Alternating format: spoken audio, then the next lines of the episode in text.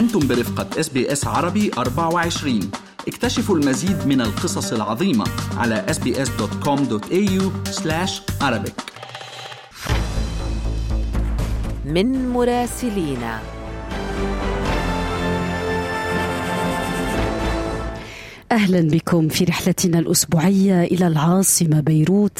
أنا بترا طوق الهندي وأنا فارس حسن ويسعدنا أن ينضم إلينا من هناك مراسلنا أنطوان سلامة. أهلا بك أنطوان والحمد لله على السلامة. أهلا فيكم قيل أنه عدد القتلى الآن 2600 على الجانبين التركي والسوري 11 ألف جريح فقط في تركيا. شفنا كمان ما بعرف إذا شفتوا الصور بترا وأنطوان دمرت قلعة غازي عنتاب.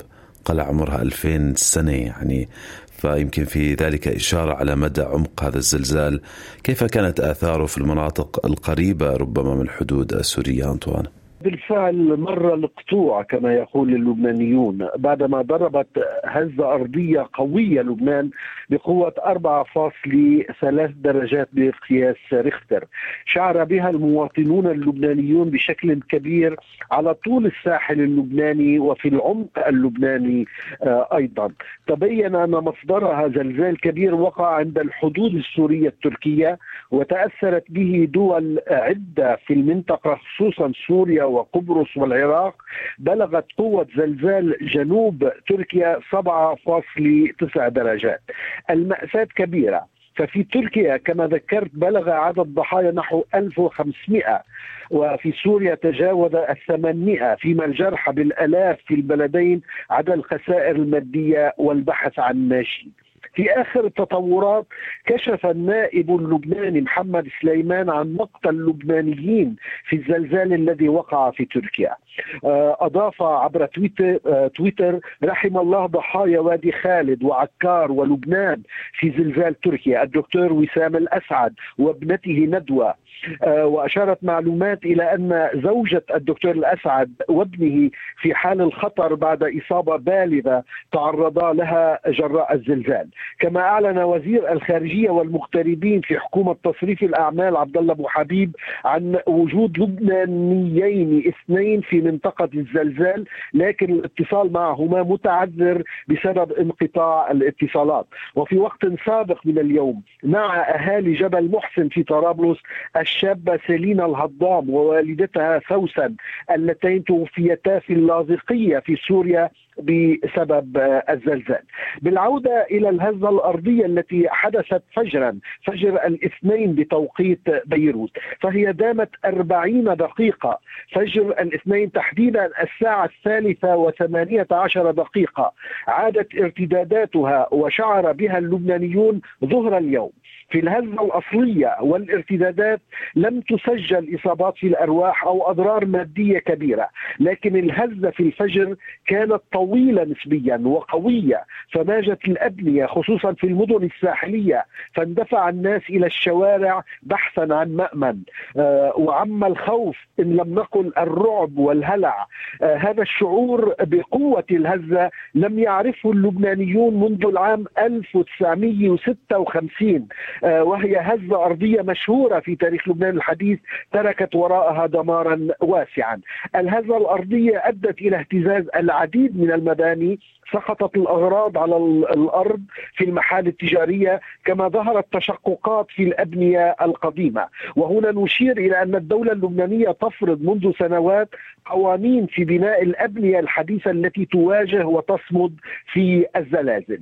آه، وزير الداخلية والبلديات في حكومة تصريف الأعمال بسام مولوي أكد أن لا مباني منهارة ودعا جميع المواطنين إلى إخلاء المباني القديمة في حال وجود تصدعات كثيرة فيها خوفا من أي كارثة آه، آه، جديدة. والتأمت اللجنة الوطنية لإدارة الكوارث والأزمات في السراي الحكومي برئاسة الرئيس نجيب ميقاتي لوضع خطة لأي طارئ فتأخر انعقاد مجلس الوزراء آه، بتأخير ساعة عن الموعد المحدد.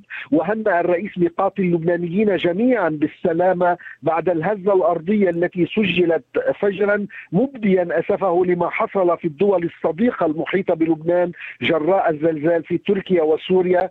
حيث هناك فعلا كارثة إنسانية حقيقية يتابعها اللبنانيون عبر شاشات التلفزة وعبر تقديمات عبر المؤسسات ويبدو أن الجيش اللبناني سيرسل آه، فرق إنقاذ خصوصا إلى سوريا. لمساعدة الدفاع المدني هناك والجيش آه، آه، السوري. ودعا وزير التربية اللبنانية الدكتور عباس الحلبي إلى إقفال المدارس لسببين التخوف من ارتدادات الهزة وبسبب العاصفة الثلجية فرح التي تشهد في هذه الساعة ذروتها في تساقط الثلج الذي يلامس شاطئ البحر وسرعة الرياح. والصقيح.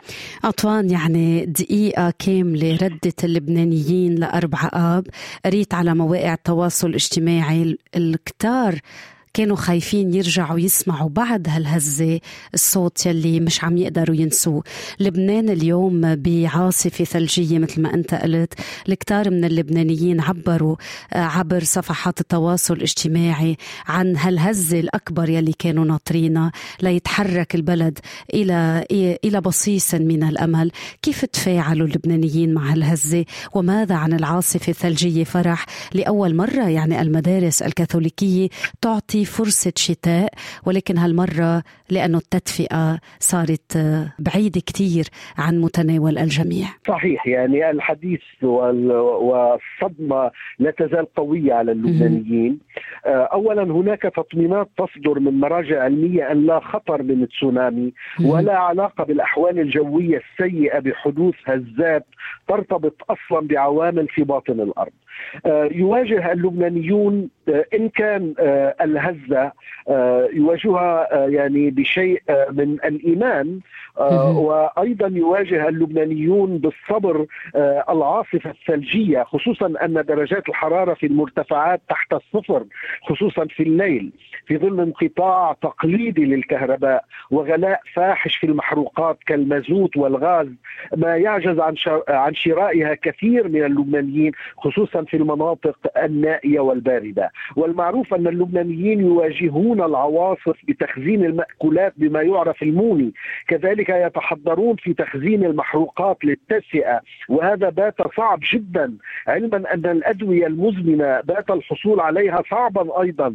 وغالية السعر. وربما اطمأن اللبنانيون حين آه، سمعوا من وزير الصحة في راس الأبيض بعد جلسة حكومة تصريف الأعمال والتي يعارض انعقادها التيار الوطني الحر وانتقدتها أيضا القوات اللبنانية. أنه لا رفع للدعم عن أدوية السرطان وتم إقرار الحكومة سلفه خزينة لتسعير الأدوية على سعر صرف 1500 ليرة بدلا من مبلغ 15000 ليرة الذي حدده مصرف لبنان، كما أن حكومة تصريف الأعمال دعمت القمح بقيمة 2 ملايين دولار. كل هذه التدابير هي تدابير سطحية لا تطال جوهر مكافحة الغلاء خصوصا بعد قرار وزير الاقتصاد أمين سلام بإقرار تسعيد المواد الاستهلاكية الغذائية منها بالدولار وليس بالليرة اللبنانية ما أثار استياء المواطنين والنقابات العمالية لما يعكسه هذا القرار من مزيد في التضخم أي غلاء المعيشة. باختصار موسم الشتاء هذا العام قاسي جدا على اللبنانيين ليس فقط في الجبال والسهل بل في كل المدن والقرى اللبنانية. الله يكون بالعون. شكرا جزيلا مراسلنا في العاصمة اللبنانية بيروت. حدثنا عن آثار الزلزال الكبير اللي ضرب تركيا وسوريا كيف أثر على لبنان وطبعا تعازينا الحارة لكل الضحايا وأيضا للبنانيين اللي قضوا في هذا الزلزال في مدن تركيا وسوريا. استمعوا لتقارير مراسلينا على SBS Radio app. استمعوا الآن إلى الموسم الثاني من بودكاست أستراليا بالعربي. أحدث إصدارات SBS عربي 24 يأخذكم في رحلة استقرار بعض المهاجرين المهاجرين العرب ويشارككم بأبرز الصدمات الثقافية التي تواجههم عند وصولهم إلى أستراليا.